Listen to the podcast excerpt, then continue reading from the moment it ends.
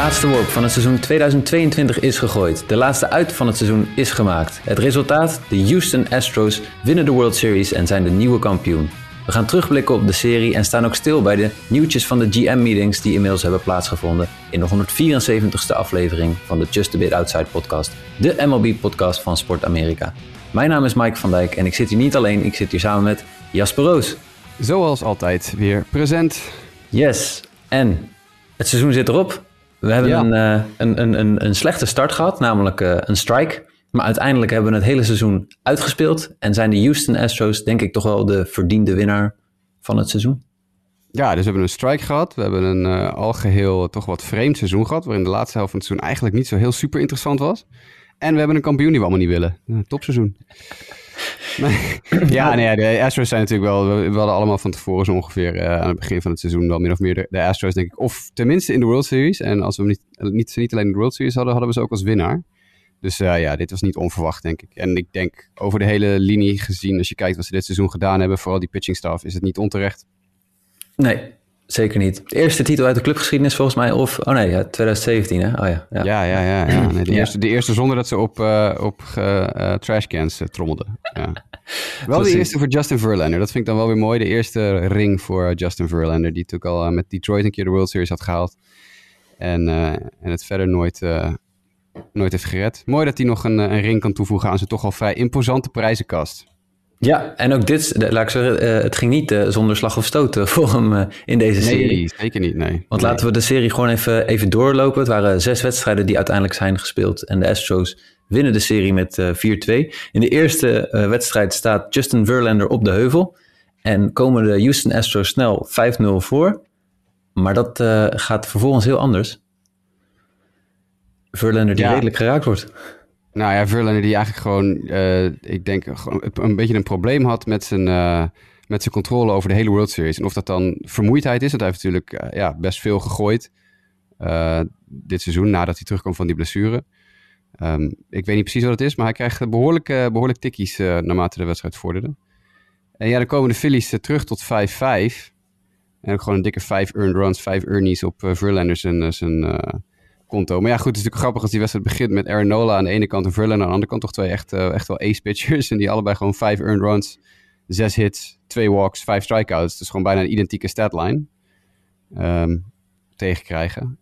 Ja, en dan wordt het de Battle of the Bullpens. En dat hebben we meerdere keren gezien. Er komen met een aantal andere wedstrijden dit, eh, deze World Series ook nog op terug. De Battle of the Bullpens. Wie, eh, wie knipperde het eerst met zijn ogen? Ja, en in deze wedstrijd waren het de Astros die met de, met de ogen knipperden in de tiende inning. Als Luis Garcia eh, de home run van JT Real Muto tegenkrijgt, waardoor de Astros met 6-5 verliezen en de Phillies dus met 6-5 winnen. Ja, toch 2, 4, 6 werpers aan de kant van, eh, van Houston na Verlander en 5 aan de kant van de Phillies na Nola. Dit zette wel de toon, denk ik, voor de, voor de series. Het was pitching, pitching, pitching. Ja, en ook knap, zeg maar. Kijk, ik, ik denk als je een leuke serie wilde hebben, wisten we dat in ieder geval eh, een van de wedstrijden in Houston gewonnen moest worden door de Phillies. Want anders was het al eh, vermoedelijk een heel eenzijdig gebeuren geworden. Het, er is ook veel gegaan over die wedstrijd, over de prestatie van Verlander eh, in algemene zin in World Series. Zijn historische track record, die gewoon ja, ronduit Niet slecht is. Ja, gewoon Nee. niet goed. ik Ja, geloof ja dat die- slecht is misschien nog wel beter, ja. Ja, ik geloof dat hij één keer, één wedstrijd eh, wel redelijk had gehoord. Maar zijn ERA zat volgens mij ergens rond de zes eh, eh, of iets. ja.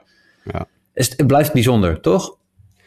Ja, het is, het is toch een heel eh, apart dingetje hoor, eh, gooien in de World Series, denk ik. Of überhaupt spelen in de World Series. Als je kijkt naar hoe na, na zes wedstrijden de slaggemiddeldes van beide ploegen. Het slaan is blijkbaar ook heel moeilijk in de World Series. Zeker in het huidige honkbalklimaat. Want correleren wat een slecht slaggemiddelde is. Maar eh, ja, de- des te beter was de pitching, denk ik ook. Maar Ja. Verlander heeft blijkbaar toch altijd een, ja, toch een beetje last van wat stage fright of zo. Hij kreeg later in de serie nog een, eh, nog een herkansing, dus daar gaan we het zo meteen nog over hebben. Eh, game 2 wordt gewonnen met eh, 5-2 door de Houston Astros. En is eigenlijk een, eh, ja, een clinic van onze Framberito, hè? Die, eh, Framberito, ja. die een geweldige wedstrijd gooit. Ehm, er was een hoop controversie ontstaan over een aantal bewegingen die eh Framber Valdez heeft gemaakt. Ja. Eh, zou die wel of niet gebruik gemaakt hebben van sticky stuff? Wat is jouw take, eh Ron? Nee, ja, dat kan, ja, ik geloof dat inmiddels niet meer. Die jongens die worden per wedstrijd zes keer gecontroleerd.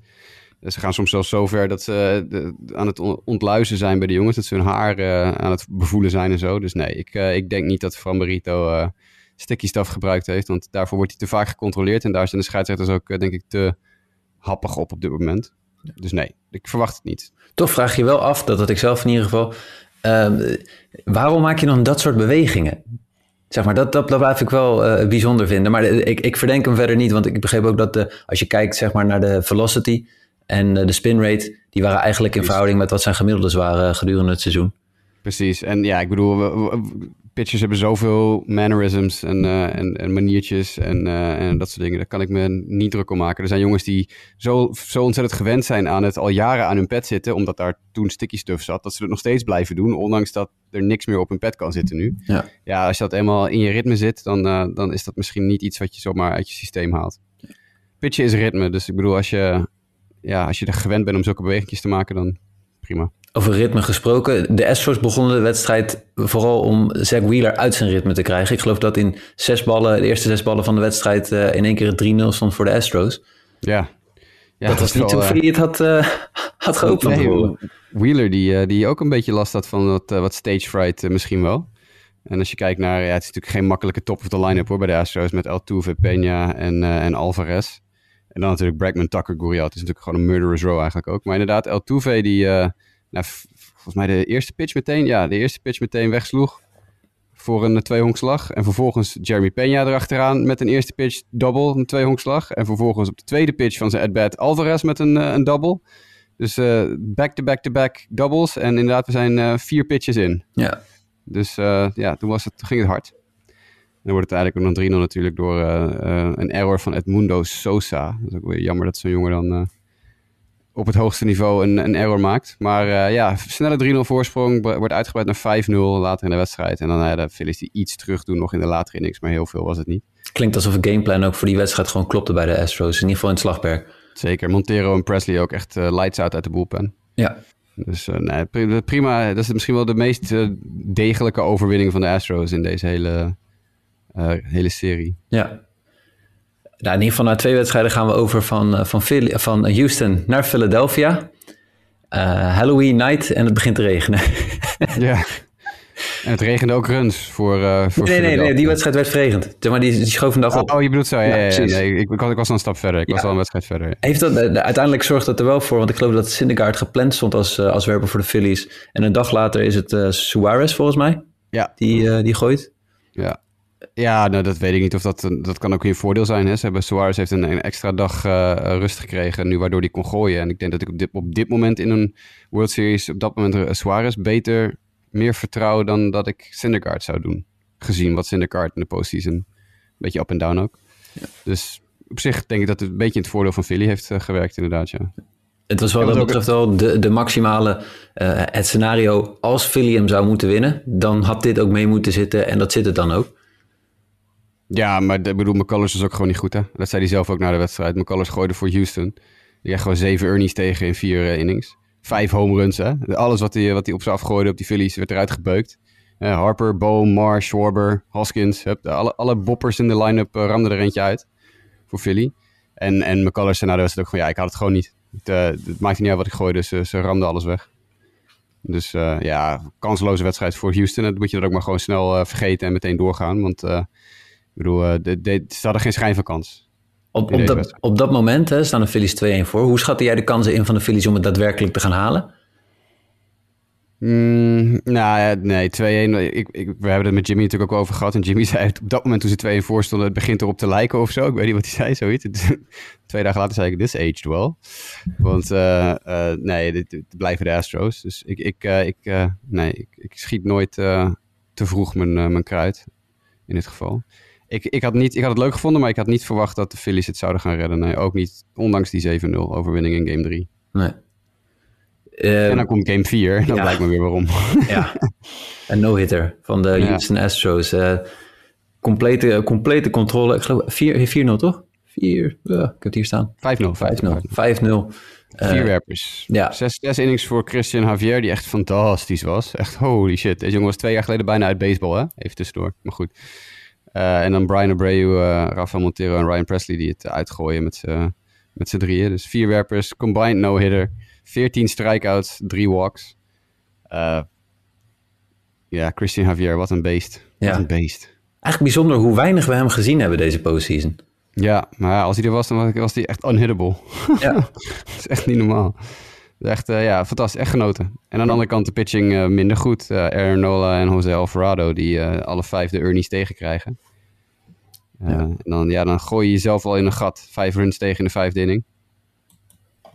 En dan nog geno-hit worden ook. Ja, Ja. het is kansloos. Dan eh, is er nog één wedstrijd in Philadelphia die gespeeld moet worden. En eh, die eh, verliezen de, de Phillies met, eh, met 3-2. Dat is de wedstrijd dat Justin Verlander eigenlijk zijn tweede, zijn tweede kans krijgt. Hij gooit uiteindelijk vijf innings, krijgt één run tegen en zes strikeouts. Ja. Vier walks ook, hè. Weer een beetje erratic. Weer een beetje all over the place. Maar hij heeft een win. Niet dat Nou, dat het, het is de tweede al in de, in de postseason, Ja. deze. Ja, Maar nee, even, gewoon niet, niet super goed hoor. Ik vond hem weer niet. je wilt toch je, je horse, je, je, je, je super ace. Wil je toch meer van zien dan vijf innings, vier vrije lopen en zes strikeouts. Ja. Dat is. eh, maar goed, ja, ik bedoel, eh, winnen is winnen. Syndergaard aan de andere kant niet goed. Drie innings gegooid, twee runs tegen, vier strikeouts.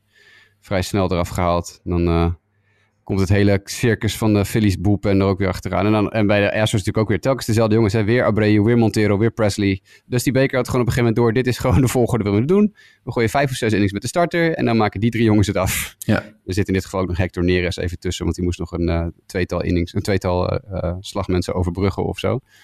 Maar eh, nee, het is, eh, het is het- een beproefd recept. Abreu en Montero ook gewoon vier hold. Presley vijf saves op dat moment al. Het is echt, eh, ja, beproefd recept.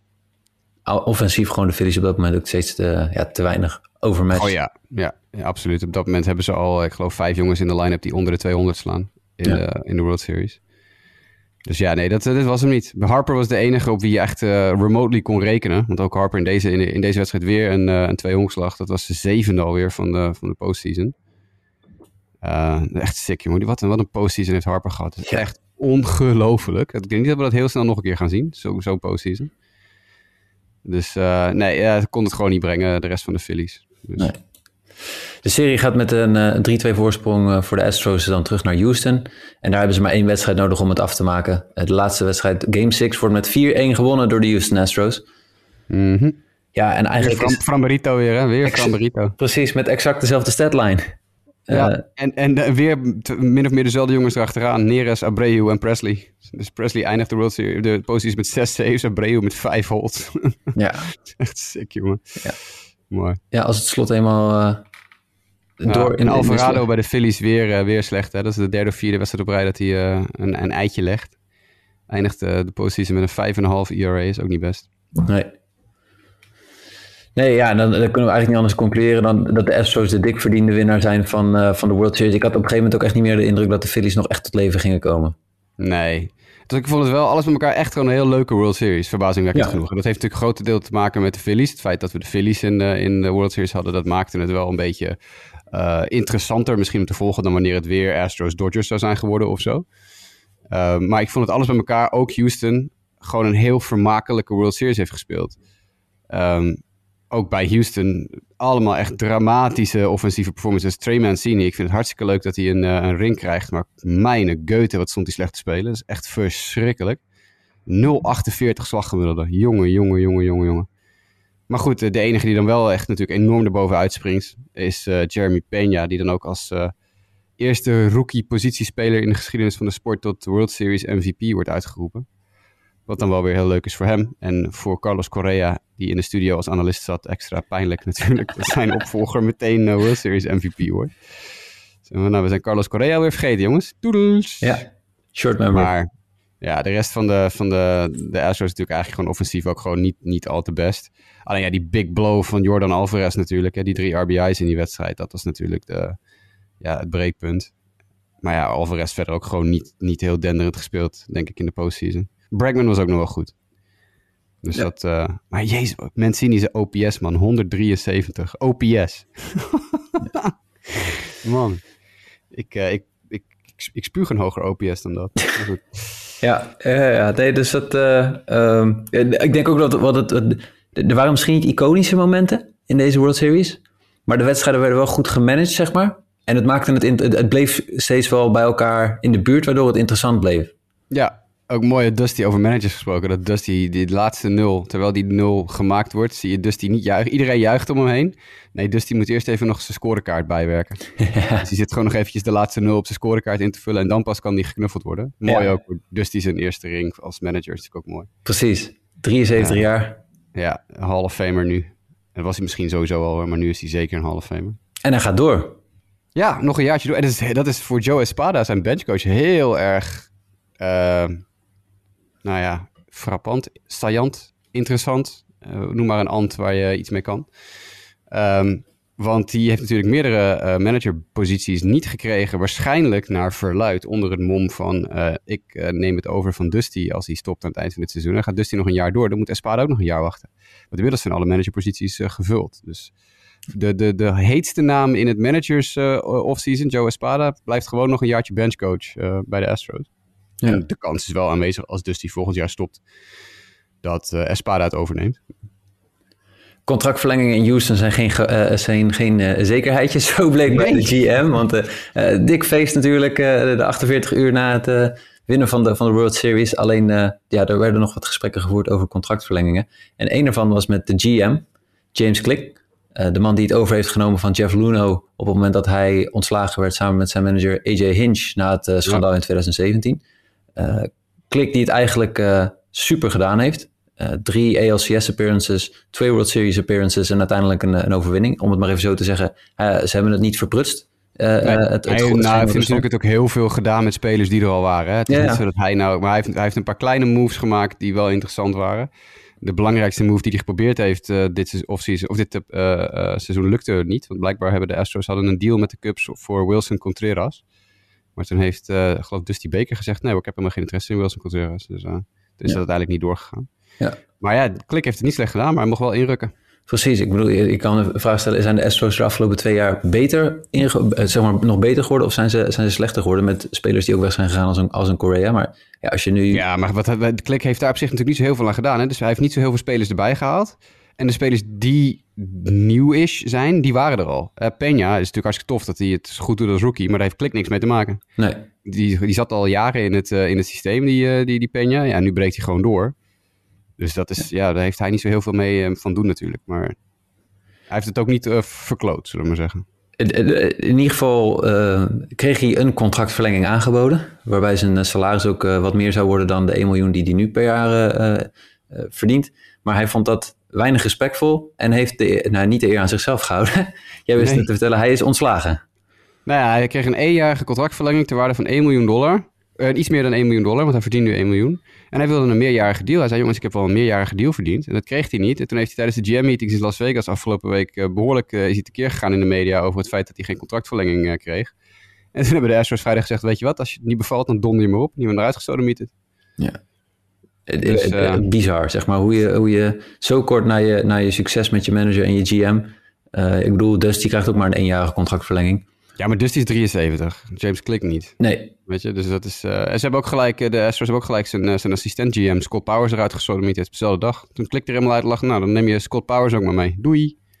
Ja, ik, ik blijf er een wrang gevoel aan overhouden. Maar ik weet hoe, hoe jij er tegenaan kijkt. Nou ja, ik, ik ben, vooral nerveus dat het misschien zou betekenen dat Jeff Luna weer terugkomt. En dat is nu het gerucht. Ja. Hè? Dat ze gezegd, nou ja, je hebt je schorsing uitgediend, uh, kom weer terug. Dat is natuurlijk feitelijk gezien nog steeds de man die ook verantwoordelijk is voor deze World Series overwinning. Ja. Want de, de, ik geloof 80% van de spelers die op het veld stonden zijn onder Lunau of gedraft of aangetrokken of uh, uh, van een contract voorzien. Dus dat is een beetje waar ik me zorgen over maak. Ik ook, het morele kompas van de Houston Astros. ja, dat is altijd een uh, dubieuze situatie natuurlijk. Ja. ja. Misschien ook dat de reden dat uh, Verlander zijn contract uh, geopt-out heeft. Dat hij besloten heeft om een free agent te worden. Ja, waar, ik bedoel, hij is 40. Hij kan er nog prima mee.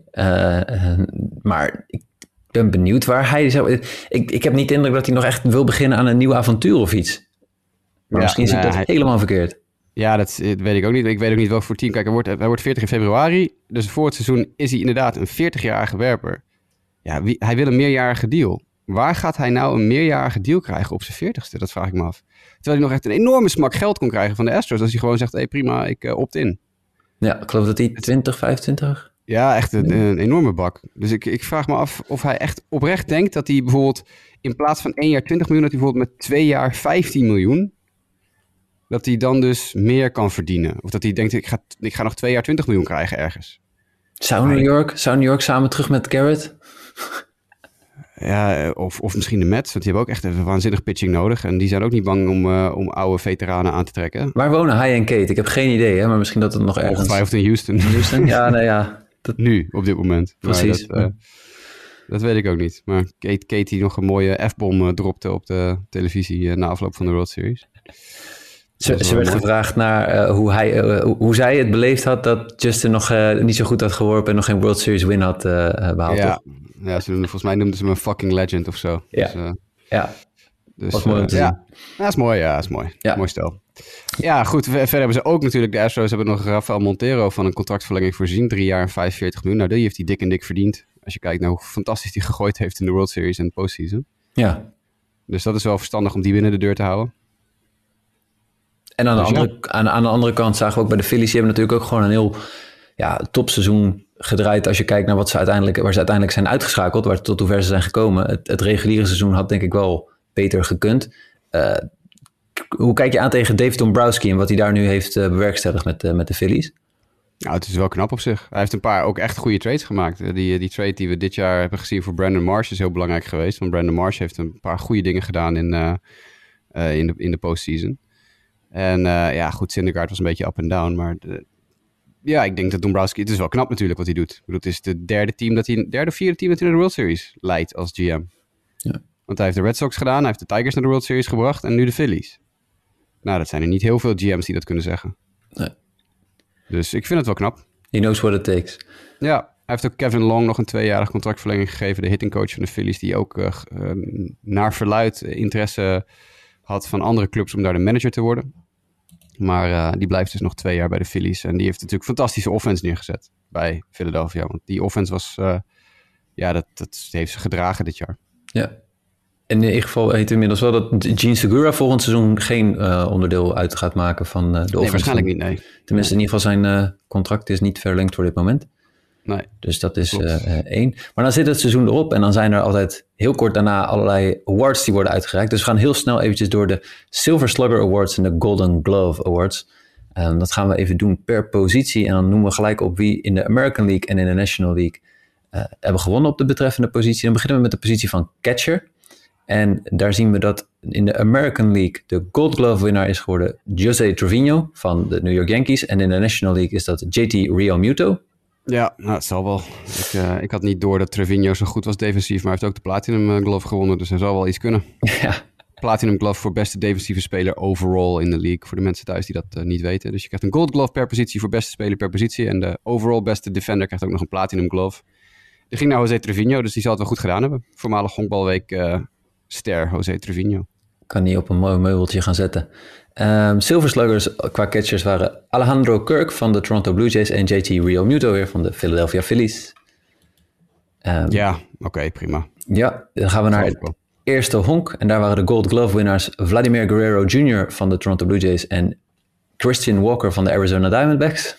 Nou, ik heb nul Arizona Diamondbacks gekeken dit jaar, dus ik heb geen idee of Christian Walker een beetje een redelijke verdediger is. Maar uh, Vladimir Guerrero lijkt mij niet de beste verdedigende eerste honkman in de American League. Maar goed, dat zal wel. Er zullen ja. wel redenen voor zijn. Het is niet, ik bedoel, uh, af en toe zie je Walker wel voorbij komen, maar het is niet dat ik dan iedere keer echt zit te genieten van, ach, daar heb je hem weer. Nee. Uh, met zijn geweldige veldspel. De Silver Sluggers zijn Nathan Lowe van de Texas Rangers en Paul Goldschmidt van de St. Louis Cardinals, denk ik. Nou, die waren allebei terecht. Ja, precies. Want ook Nate Lowe heeft echt een fantastisch seizoen gehad dit jaar. Dus. Ja. Gold Glove second base, uh, Andres Jimenez van de Cleveland Guardians en Brandon Rogers van de Colorado Rockies. Het zal wel. Jimenez is inderdaad een goede defensieve tweede hoekman, dus dat geloof ik wel. Brandon Rogers, ik heb geen Rockies gekeken dit jaar, dus dat weet ik niet. Silver Sluggers, Jose Altuve en Jeff ja, McNeil. Nou, als, je, als, je, kijkt hoe slecht de Altuve in het postseason was, dan is het een beetje een, uh, een deceptie. Maar ja, het zal, het zal wel. Het, het, het, ik kan ook zo heel snel uit mijn hoofd niet een betere tweede honkman, een betere offensieve tweede honkman noemen dit jaar. Je Nee. zou kunnen zeggen misschien Jimenez van de Guardians weer, die ook een all-star was op tweede honk. Maar ik zou ook zo heel snel 1, 2, 3 geen tweede honkman hebben die beter zou zijn, of in ieder geval qua naam beter is dan Altuve. Ja, En McNeil, ja, voor de Mets oké.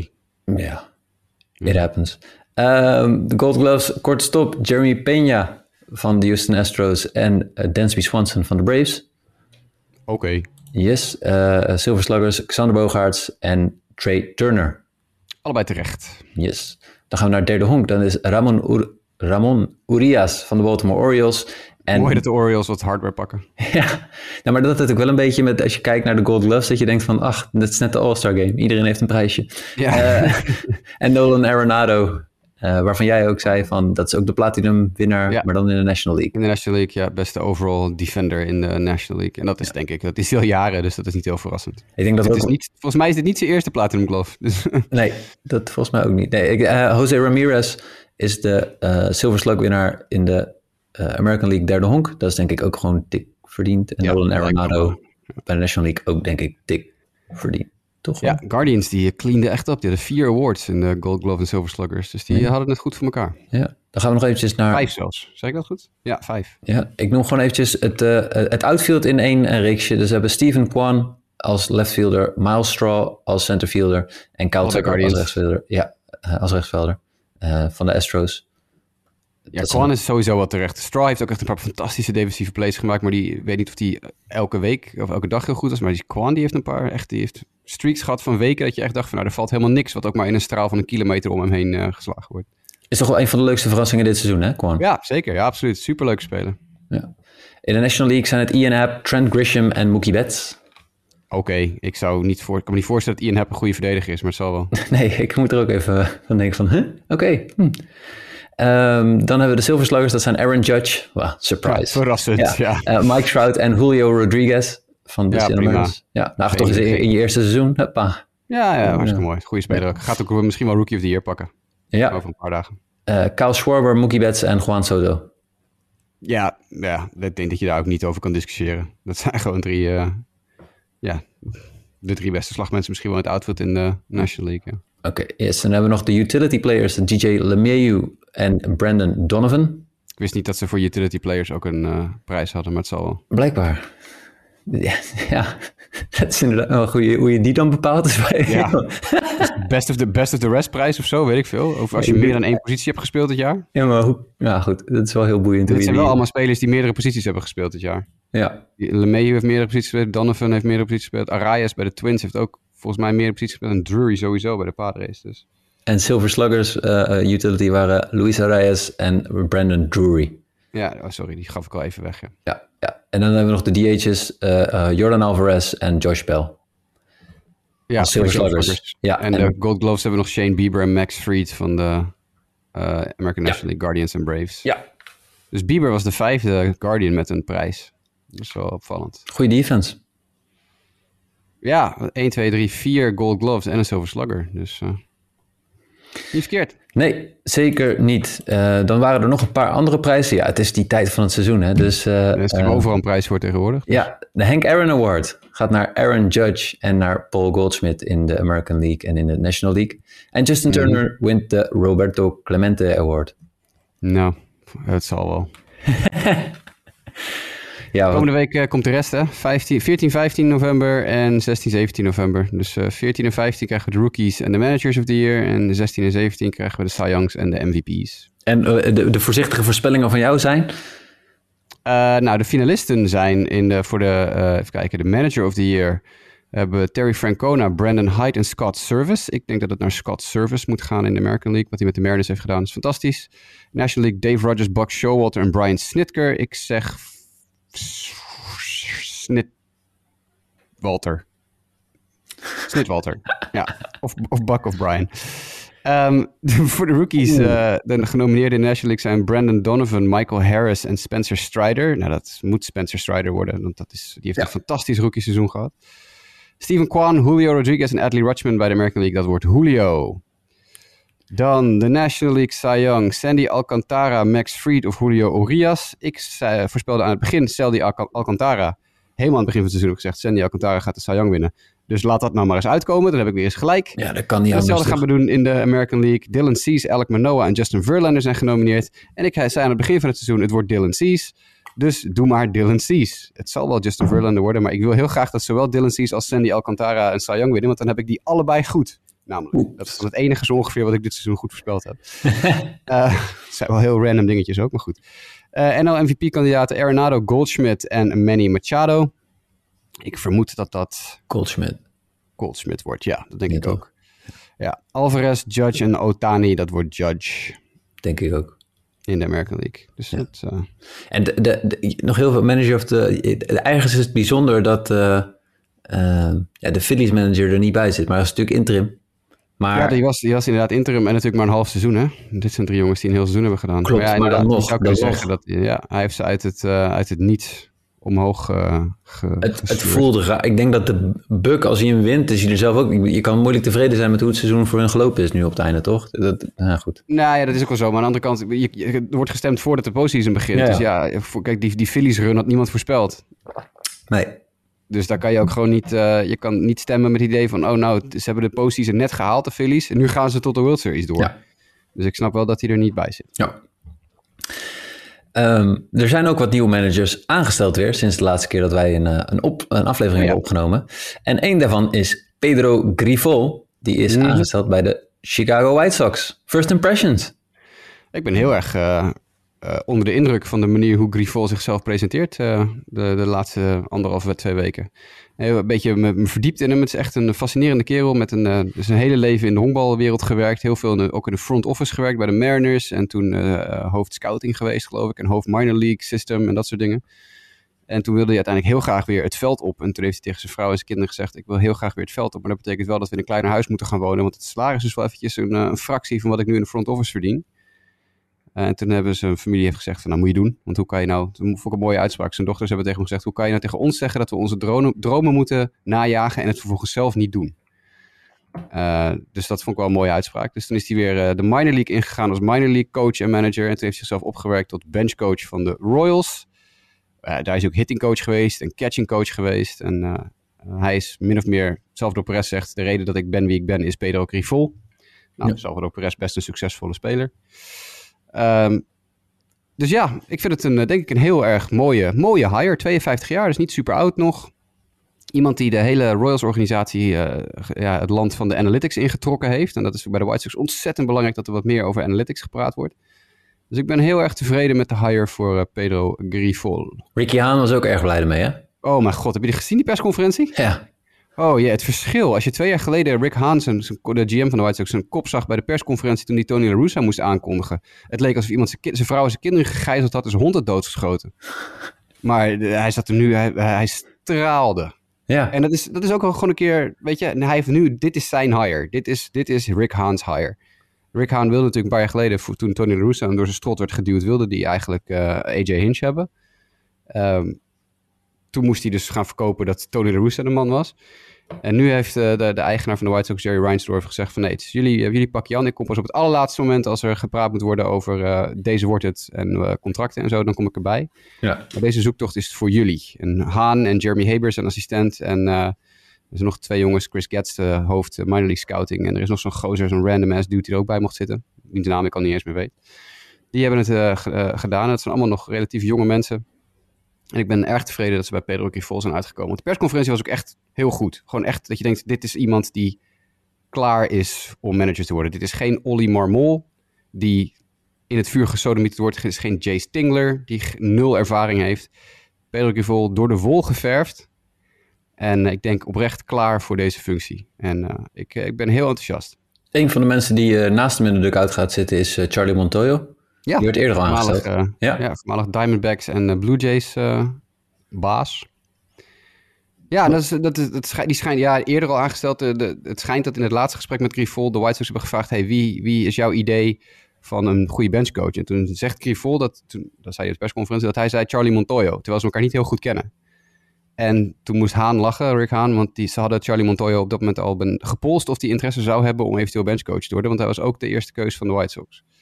En er werd behoorlijk aan Montoyo getrokken blijkbaar. Heel veel teams waren geïnteresseerd in de diensten van uh, Charlie Montoyo. Dus uh, dat is een hele goede, goede get. Dat betekent ook dat Miguel Cairo ontslagen is. Overigens de hele pitching coach bij de White Sox ontslagen. Uh, de hele pitching staff, ik zeg het verkeerd, coaching staff van de White Sox is ontslagen. Behalve de pitching coaches.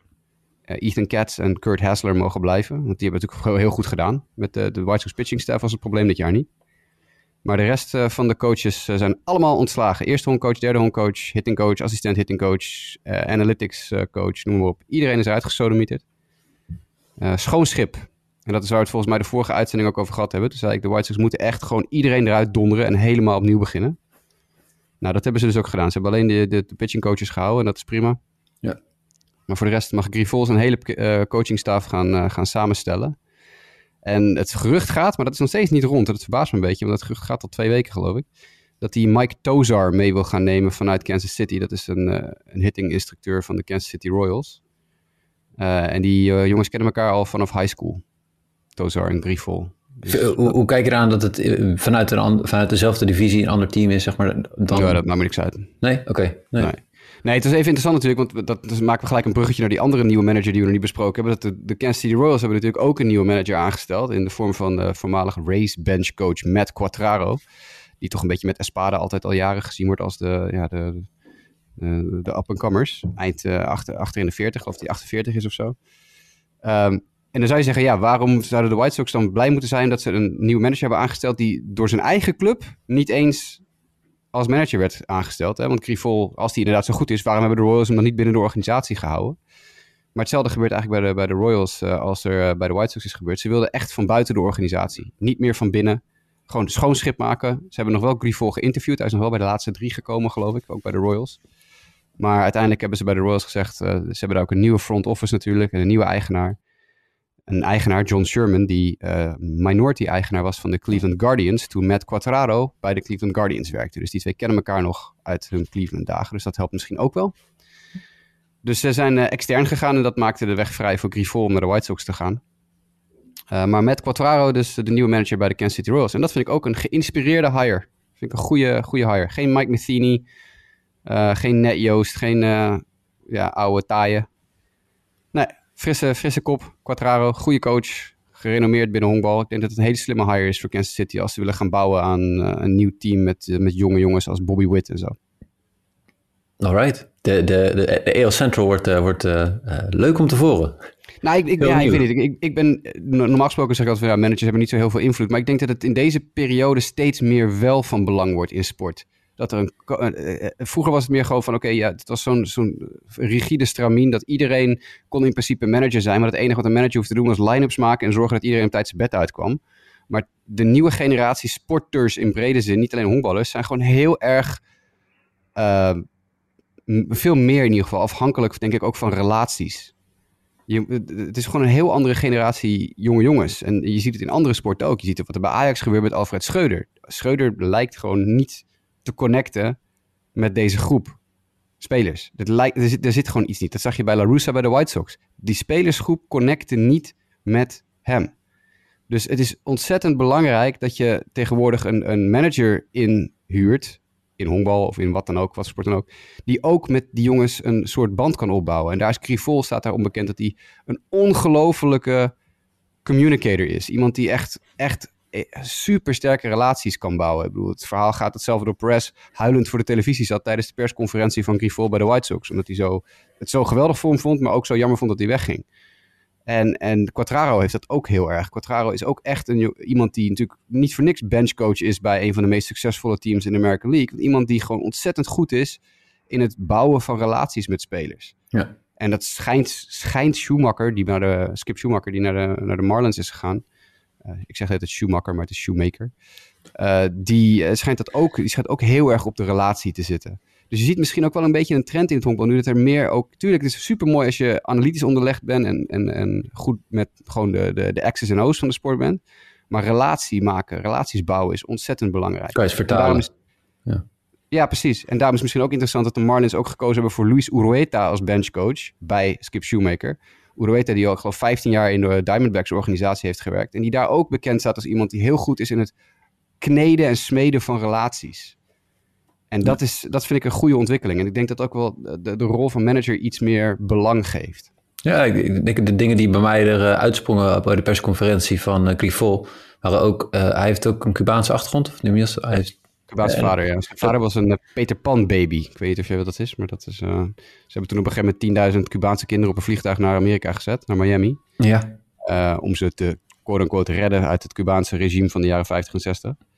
En dus zijn vader is daadwerkelijk ja, een geboren Cubaan. En Grifol is dus weliswaar geboren Amerikaan, want Miami. Maar inderdaad, Cubaanse achtergrond. Ja, dat, dat fit natuurlijk de clubhouse op zich wel van de, van de White Sox op dit oh, moment. en ehm, het ging ook een stukje over het bouwen van een inclusief team, zeg maar. Dat, dat mhm. waren ook dingen die er naar voren kwamen.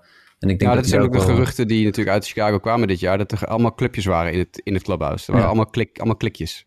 Je had een groepje Cubanen die met elkaar omgingen. Je had een paar eh, niet-Cubanen die met elkaar omgingen. Je had een paar jongens die een beetje erbuiten vielen. Het was geen hecht geheel. En het is de hoop dat Grifol een beetje er een hecht geheel van kan maken. En tegelijkertijd ook een soort van vaderrol kan zijn voor wat van die Cubanen die er nog niet echt... Kijk, die Johan Moncada, dat is het gewoon nog niet, hè? Goede speler hoor, maar het is het gewoon nog... Het is niet de ster die iedereen dacht dat hij zou worden. Maar ja, Moncada, die vanaf zijn 16 heeft hij al geen ouders meer, zo ongeveer. Want die woont natuurlijk op Cuba. Uh, dus misschien dat Grifol hem juist als een soort vaderrol ook een beetje kan helpen. Er werd ook een filmpje op social media gezet dat hij even aan het bellen was met Eloy Jimenez. Dat is natuurlijk geen Cubaan, maar toch ook wel een uh, Latino-speler. Um, en meteen ook de manier hoe Grifol met zulke jongens praat. Ja, daar komt denk ik wel uit dat hij... Dat dit, dat dit de juiste man is voor dit team. Dus en zeker met het verlies van José Abreu, dan ben je natuurlijk je Cubaanse vaderfiguur tussen aanhalingstekens kwijt in het team. Want uh, Abreu gaat uh, vertrekken bij de White Sox. Uh, dus dan is het goed dat Grifol daarbij komt. Ja, alright. Um, dat is niet het enige nieuws wat we bij het AL Central. Er is nog één klein nieuwtje. Dat is dat de Minnesota Twins, als het goed is, aankomende week ergens officieel een, een kleine logo, een logo tweak gaan naar buiten brengen. Ja, ik heb echt geen flauw idee wat ze, wat ze hiermee willen gaan doen. Dus het, het verhaal gaat inderdaad dat ze een nieuw logo hebben, maar er staan wat foto's op internet waarvan er niet uit blijkt dat ze heel veel veranderd hebben. Ja, zoals een soort van een oud logo van de plank hebben gehaald en opnieuw... Ja. Uh, dus ik moet even afwachten, afwachten of die leaks inderdaad kloppen. Maar, ja. Okay. Voorafgaand aan de GM-meetings kwam er in één keer nog een nieuw, nieuws naar buiten over een contractverlenging. Dat is dat de New York Mets verlengd hebben met hun closer kan jij de, de trompetmuziek nu instarten? Kan dat? Uh, nee, ah, okay. In ieder geval, Edwin Diaz heeft uh, een vijfjarige contractverlenging getekend voor 102 miljoen dollar.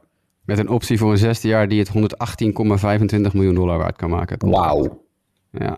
Uh, ja, wauw, inderdaad. De beste man is uh, volgens mij 27, 28. Daarmee ligt hij vast tot zijn 32, 33ste. Hij is natuurlijk nu wel de man in, in vorm, maar dit is een eh, een heftige commitment eh, aan je, aan je bullpen.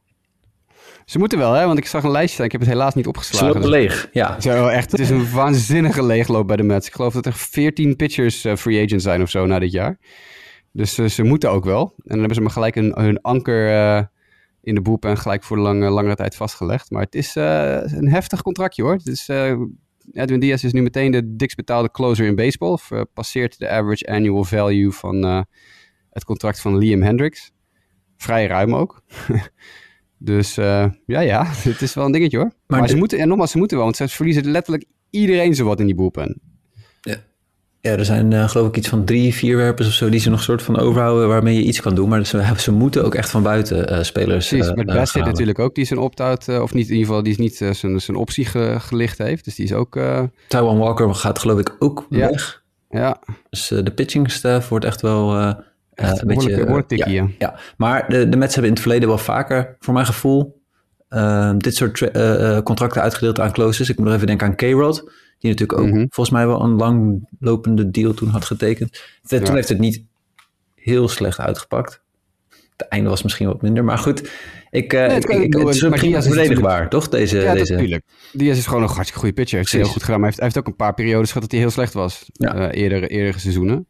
Dus het is wel even ja, interessant uh, om te kijken wat, hoe, die, hoe die nu deze ja, contractuele zekerheid, hoe dit gaat ontvouwen. Wordt die, wordt die lui en stort die in? Of uh, wordt hij inderdaad de beste reliever in baseball? Ja.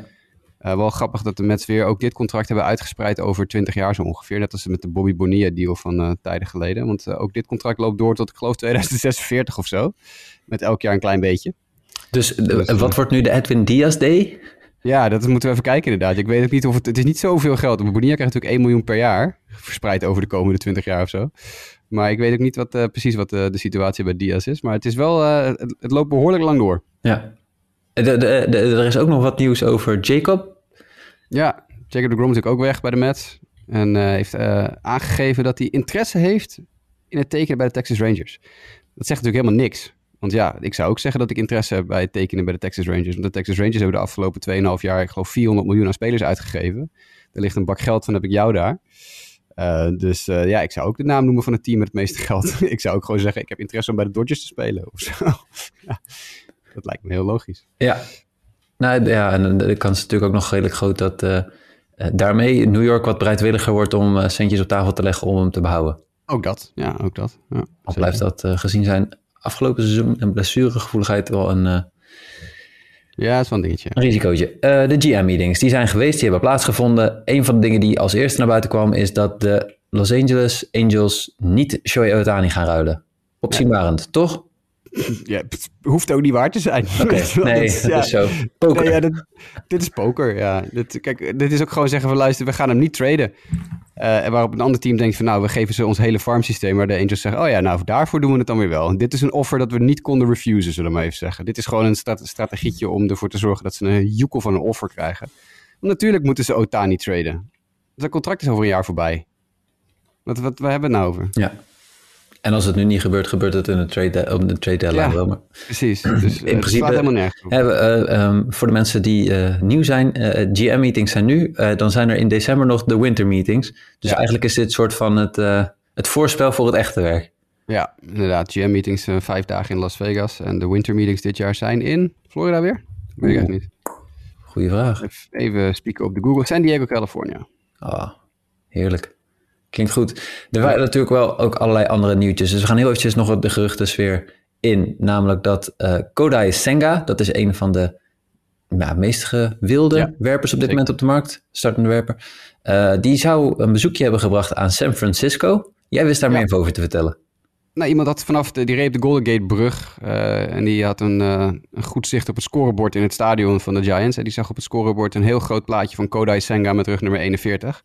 En dat is meestal iets dat um, teams natuurlijk doen als een speler een bezoek brengt aan een club. Om, ze, om echt uh, ja, te charmen in het tekenen voor die club. Hè. Dus uh, toen Bryce Harper een paar jaar geleden free agent was, dan hadden de White Sox onder andere in het uh, Bulls stadion allerlei Harper dingetjes opgehangen. Om hem ja, proberen te over te halen bij de White Sox te tekenen. en dit is dus blijkbaar is Kodai Senga op bezoek geweest bij de Giants. Zegt natuurlijk niet zoveel, maar de Giants hebben heel veel geld te besteden. En Kodai Senga is een denk ik een geschikte kandidaat. Ook West Coast. Hè. Veel Japanse spelers kiezen er vaak voor om het naar West Coast te tekenen. Dat heb je met Ichiro gezien bij de Mariners. Dat heb je met Otani gezien bij de Angels. Want de West Coast is natuurlijk net even wat dichter bij Japan dan de East Coast. Dus uh, tenzij de Yankees ineens komen natuurlijk met hun uh, verleden met Tanaka en Matsui. Uh, denk ik dat de West Coast teams een goede kans maken. ook de Angels en Dodgers en Rangers hadden interesse gehad. Red Sox ook, maar ja, die verwacht ik dus nog gelijk weer wat minder kans te hebben, omdat het aan de andere kant van het, van het land is. Ja. Maar veel interesse vanuit de West Coast voor Kodai Senga. En die gooit 100 mijl per uur, dus ja, me dunkt. ja. Begrijpelijk, begrijpelijk. Uh, de andere, een andere speler die uh, op zoek gaat naar een uh, nieuw contract, dat is Xander Bogaert. Daar is wel een markt voor. en de Red Sox zelf zijn ook wel geïnteresseerd om hem toch te behouden in, in Boston. hoe, hoe shaped de markt up zich voor Xander Bogaerts op dit moment? Phillies, naar verluid. Dave Dombrowski, de connectie met de Red Sox en Bogaerts nog uit zijn Red Sox dagen. Phillies hebben een uh, nieuw kort stop nodig. Dus uh, dan kunnen ze Bryson Stott naar tweede honk doen waar Segura weg is. Dus dat is, uh, ik denk dat de Bogaerts wel een goede kans maakt om naar de Phillies te gaan. En ik denk dat hij dat ook best wel zou willen. Het is best een goed, het is echt een sterrenteam. Dus hij zou echt in een sterrenteam terechtkomen. Cubs schijnen ook interesse te hebben. Ja, ik zie dat niet. Sorry, ik, sorry Cubs. Cubs hebben interesse in iedere free agent korte stop, naar verluid. Die hebben letterlijk iedereen zo ongeveer opgebeld. Carlos Correa, Trey Turner, Sander Bogaerts, noem maar op. Dus ik zie eerder een Trey Turner of zo daar uh, terechtkomen. En dan heb je nog de Red Sox. Maar ik, dus, eh, ik acht de Phillies niet onmogelijk hoor, voor Bogaerts. Wel Ook met de, de Didi-connectie natuurlijk. Ja, die daar nog korte stop heeft rondgelopen. Ik vind het wel boeiend dat, zeg maar, zodra de Cubs met alle korte stops belt, dan ligt het op straat. En de Yankees, die denk ik toch ook wel op zoek zijn naar korte stop, hoor je niks over. ja, de Yankees zijn ook wel meer, naar meer op zoek, denk ik, dan alleen korte stops. Ja, ja, ja. Nou goed, uh, de Red Sox zijn ook naar van alles en nog wat op zoek. En een van de dingen is starting pitching. Ze zouden naar verluid ook contact hebben gehad met de Diamondbacks over Zach Gallen. Uh, mm-hmm. Maar daar uh, schijnen de Diamondbacks wat minder bereidwillig in te zijn om daarin uh, mee te bewegen. Maar ze hebben wel een speler weten te behouden. Dat is Nathan Iovaldi. Ja, contractdetails zijn nog niet bekend. Maar het is een multi-year deal volgens Hector Gomez. Nou, moet erbij gezegd worden, Hector Gomez heeft er ook wel eens naast gezeten. Dus neem het met een kooltje zout. Maar voor zover ons bekend ligt er een multi-year deal op tafel voor Nathan Eovaldi bij de Red Sox. Yes, en uh, de White Sox hebben dus een nieuwe manager, uh, maar hebben ook interesse in een catcher. Sean Murphy van de Oakland A's. Ja, dat is uh, natuurlijk een, uh, nog een jonge, jonge gast. Echt een van de betere catchers geworden of aan het worden van de American League. Maar ik, uh, ik verwacht niet, dit stond van de week op MLB Trade Rumors, maar ik verwacht dit niet. Het lijkt me niet een heel logische trade. Wat moeten ze nou met Sean Murphy als je ook nog een vermogen aan Yasmani Grandal kwijt moet, die natuurlijk geen goede catcher is. Maar ja, je betaalt hem wel 18 miljoen per jaar. Weet je, dus ik, ik, ik, plus je moet een, een, vermogen aan prospects gaan overhevelen naar Oakland om Murphy binnen te kunnen halen. Terwijl je ook gewoon een gat op het tweede honk en een gat in het rechtsveld hebt.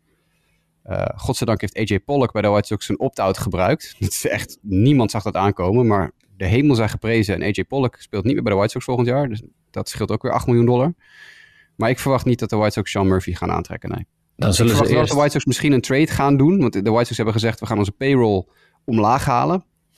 Ik, voor de mensen thuis, ik maak nu een gooi het maar in mijn pet gebaar naar Mike. Want waarom ga je midden in je competitive window je payroll verlagen? Maar oké. Okay. Dus ik verwacht dat er wel trades aan zitten te komen, maar ik verwacht geen, uh, geen andere dingen. En uh, de, de, catching market is altijd best wel schaars, hè? Dus, uh, ja, zeker. Ja. dus een, een, Grandal, daar kan best wel wat belangstelling Nee. Nee, nee. oké. Okay. Er is geen, ten eerste is hij, wordt hij, is hij veel te duur. Ja. En hij is oud en kapot. En hij sloeg vorig jaar een OPS van 200 of zo. Dus de, er, is nul, er zit nul tradewaarde op dit moment in uh, Yasmani Grandal. Helemaal niks. Alright. Uh, de Pittsburgh Pirates hebben een trade gemaakt met de Tampa Bay Rays. G-Man Choi is, uh, sorry, dat was wat hard. Uh, G-Man Choi is nu een Pittsburgh Pirate geworden. En in ruil voor hem gaat Jack Hartman, een minor league werper met niet hele imposante cijfers, naar Tampa. Ja, dus de Pirates hebben nu drie Koreanen in het infield. G-Man Choi, Yi-Wan Bae en Hoi Park. Ik ben benieuwd hoe dat gaat met de World Baseball Classic. Nou, inderdaad. Dan kunnen we, je zei al in de, in de, in de pregame hiervoor.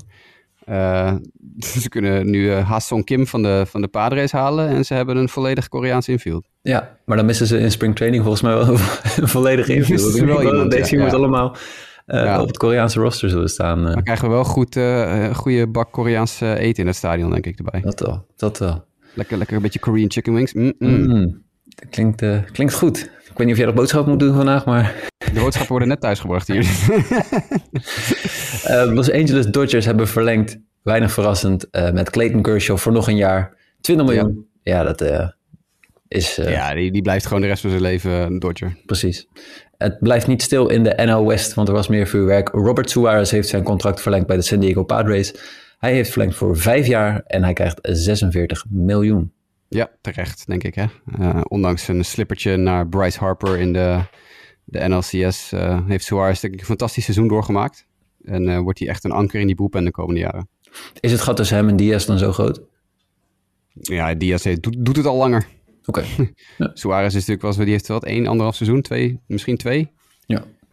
Uh, en Diaz zit natuurlijk al acht jaar in de league of zo. Ja, nee, we gewoon ook even, kijk, meestal krijg je dat uh, de reliever market vind ik altijd best wel oh, als ze daar dat krijgen, dan gaan we uh, hier dit vragen. Dus vandaar dat het op zich wel, uh, het gat is best groot.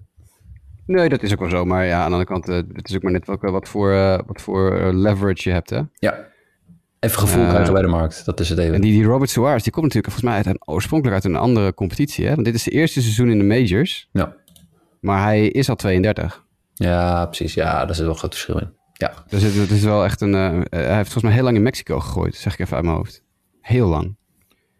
Want hij heeft echt. Dit is de eerste seizoen in, uh, in, in, de. In de majors ja, ja. Dan is het en, en Diaz heeft natuurlijk. Die zit al vanaf 2016, dus al ja, zeven een stuk jonger. Ja. Ja, ja inderdaad. Oh, dat nog. Ja, hij is ook nog eens een keer uh, vijf jaar jonger. Precies. Ja. Dus om, om gewoon gevoel te krijgen bij wat betalen we dit, deze, deze winter voor nou, een gemiddelde reliever, zeg maar. Dat is. En hij was de helft, nog minder dan de helft van Diaz en War dit jaar. Want Diaz en War was 3,2 en Robert Suarez ja, 1,4. Dan, dan, klopt, dan komt het wel uit dat je dus een dubbele krijgt. Ongeveer, ja. Ja, ja. ja. Maar mooi voor Suarez dat hij op zijn 31ste bijna 32 want in maart wordt hij 32. Dus voor het seizoen is hij 32. Ja. Mooi dat hij nog een vijfjarige deal krijgt. Ja. San Diego shakes head. Nee, ja. Um, de Braves hebben ook, uh, zijn ook bezig geweest om in ieder geval de bullpen op sterkte te houden dan wat te versterken. Nick Anderson, die in het verleden gegooid heeft bij de Tampa Bay Rays en de Miami Marlins, mm -hmm. uh, heeft daar een contract getekend. En Jesse Chavez heeft een contractverlenging getekend, een minor league deal. En Nick Anderson is natuurlijk een beetje out of baseball geweest. Uh, Ja, blessure leed. Ja, Ja. dus eh, nou ja, goed. Eh eens kijken of daar nog wat, eh, wat uitgekomen. En dan was er nog een trade waarbij utility man Nick Solak naar de Cincinnati Reds gaat. En hij komt over van de Texas Rangers. Een paar jaar geleden een, eh, ja, de next big hot thing op het tweede honk eh, in de American League. Maar dat is er niet uitgekomen. Ik was, Nee, wel een groot, ik was een groot liefhebber van Nick Solak. Ik vond het een leuk speler. Een paar seizoenen heeft toen. Ik heb ook nog in mijn fantasy team Ik kon het zeggen. maar- Ja, ik herken hem nog wel uit je fantasy team als, als Ja. naam. eh, ja, maar het is hem niet geworden uiteindelijk. Nee. Alright. Ja, dan zijn we door de, door de meeste nieuwtjes denk ik wel heen van, de, Ja. van de GM-meetings. Dan hebben we dus de komende week nog wat awards. En eh, begin volgende maand, ja, dan moet het echt losgaan, barsten met eh, trades en eh, Ja. contracten. Nu al zin in. ja, het, het- de, de Black Friday market sale van de Texas Rangers vorig jaar, we weten het allemaal nog. Ik verwacht niet Mhm. dat dat nu weer gaat gebeuren, maar je weet het niet. Nou, het is, het is wel een van mijn favoriete periodes altijd in, in het off-season, de, de winter meetings. Gebeuren Yes. altijd wel gek- gekke dingen. Ja. Plus je hebt natuurlijk tegen die tijd ook weer de Hall of Fame dingen. Ja, ook dat zit eraan Dus, te komen. eh, Ja. ja, kom er Wat kunnen de mensen van ons verwachten? Dat wij ergens in die periode waarschijnlijk terugkomen met een update. Ja. Afhankelijk van hoe de transfers lopen, toch? Blijf gewoon geabonneerd op eh, de feed van eh, de Just a Bit Outside podcast. En dan zie je ons verschijnen als er nieuws is. Yes. Ehm ook trouwens, hebben we het niet over gehad, maar heb je de, de Era Committee ballot gezien voor de Hall of Fame? Mm, Ehm, de Modern Day, wat is het? De Era Committee, Golden Era Committee, ik vergeten welke het is. De Contemporary Baseball Era Players Committee, die hebben hun, eh, hun Hall of Fame ballot bekendgemaakt. Hè? ja? Dat zijn de spelers die, al, die niet meer de gewone Hall of Fame ingestemd kunnen worden, maar die dus via de achterdeur misschien nog eh, kunnen door zo'n zo'n committee. Kan het zijn dat ik een Fred McGriff fan hierover heb ge...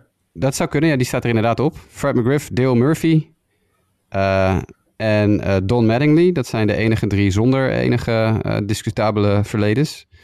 En daarnaast nog Albert Bell, Barry Bonds, Roger Clemens, eh, Rafael Palmero en Kurt Schilling. Zouden ze zich aan gaan branden? Ja, ik weet het niet. Ja, Nee, ik kan me niet voorstellen. Het is natuurlijk een, een, een comi- comité van 16 leden dat gaat stemmen over deze jongens. En je moet tenminste 75% van de stemmen krijgen uit die 16 eh, mensen om eh, alsnog de Hall of Fame in te kunnen. Nou verwacht ik dat Albert Bell gewoon zijn carrière is gewoon te kort geweest om erin te gaan. Het was wel echt op, op zijn, zijn hoogtepunt echt een absolute, eh, ja, letterlijk superheld zowat. Want het idee dat kon bijna helemaal niet op het honkbalveld. ja. Eh Mattingly is denk ik gewoon niet goed genoeg voor de Hall of Fame. Palmero eh, heeft natuurlijk een joekel van een eh, dopingverleden achter zich. Eh, en Clemens en Bonds, ja, dat verhaal kennen we. ja. Dus dan hou je eigenlijk alleen McGriff, Murphy en Schilling over. Murphy is al, is al jaren ook, dat weet ik nog, dat was een discussie toen hij al bijna van de ballot afviel. Van ja, hoe kan het nou eigenlijk dat Dale Murphy de Hall of Fame niet ingaat? Dus ik verwacht uit die hele rij, de enige twee die echt kans hebben zijn volgens mij denk ik McGriff en Murphy. Want ik denk inderdaad niet dat de rest de vingers wil branden aan de Bonds, Clemenses en Palmero's van de wereld. Schilling, ja, we kennen het verhaal van Schilling, is gewoon knettergek. ja. Ehm, dus nee, ik denk dat Bell en eh, Mattingly niet goed genoeg, of niet lang genoeg goed genoeg waren. Dus ik, alle ballen op McGriff en Murphy. En dan even de vraag, de, de, de committee, wie, wie zit er daar dan in? Dat weten we niet. Oké, maar dat, dat Nog niet, in de- ieder geval. eh, worden ze gekozen vanuit MLB of is het een soort van een onafhankelijk schrijverspaneel? eh, panel? Eh, er zitten meestal zitten er eh, één of twee front office medewerkers in, één of twee ex-managers, één of twee journalisten.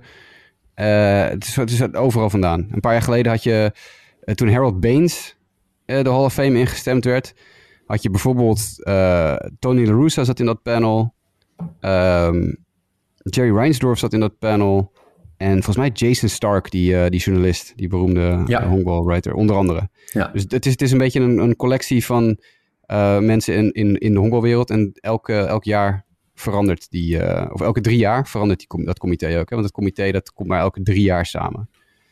Dus eh, ehm, Maar klinkt Ja. als gebalanceerd. Ik bedoel, als MLB daar bijvoorbeeld een stevige stem in zou hebben, dan verwacht ik niet dat zij zich gaan branden aan mensen die ze liever er niet in zouden willen hebben. ja, Terwijl- dit is ook voor de eerste keer trouwens hè, dat de Contemporary Baseball Era Player Committee gevormd is. Meestal zijn het Classic Baseball Committees, hè, dus de, de, de Dead Ball Era Committee en dat soort, eh, dat soort dingen. Ja. Eh, dus het is voor het eerst dat we een Contemporary Baseball Era Player Committee hebben. Alright. Nou, we gaan het eh, beleven. Ja, ik zeg alle ballen op McGriff. Kijk, let's go Fred. Ehm, Ja. En wel opvallend trouwens dat Lou Whitaker er weer niet op staat, hè? En dat is weer dat is een discussie die vooral natuurlijk in Detroit heel erg geldt. Lou Whitaker is gewoon een van de beste tweede honkmensen aller tijden. Die eigenlijk al zijn hele carrière gewoon genaaid wordt als het op dit soort dingen aankomt. En, en ieder jaar is er weer allerlei uproar over Lou Whitaker, dat hij er weer niet bij zit en weer niet gekozen is en weer van de ballot afvalt. Dus ieder jaar staan er tientallen artikelen over en het verandert nooit. Terwijl het een van de aardigste gasten in de honkbal is, ooit, blijkbaar. En ook gewoon een waanzinnig goede speler is. Weer ook niet op deze ballot. Dus dat is wel heel, uh, heel opvallend. Bijzonder, ja. Anyway, mochten jullie uh, vragen hebben, dan wel uh, suggesties hebben wie jouw team zou moeten contracteren. Je kan het altijd laten weten via Twitter naar @sportamerika, @mdijk90, @jwkev, @grasmansd of @jasperoos. Met, uh, dan kun je contact met ons opnemen en het laten weten. Jasper, bedankt. En het seizoen is erop. It's a wrap. Op naar ja, de off-season. Signings. Tot de volgende keer.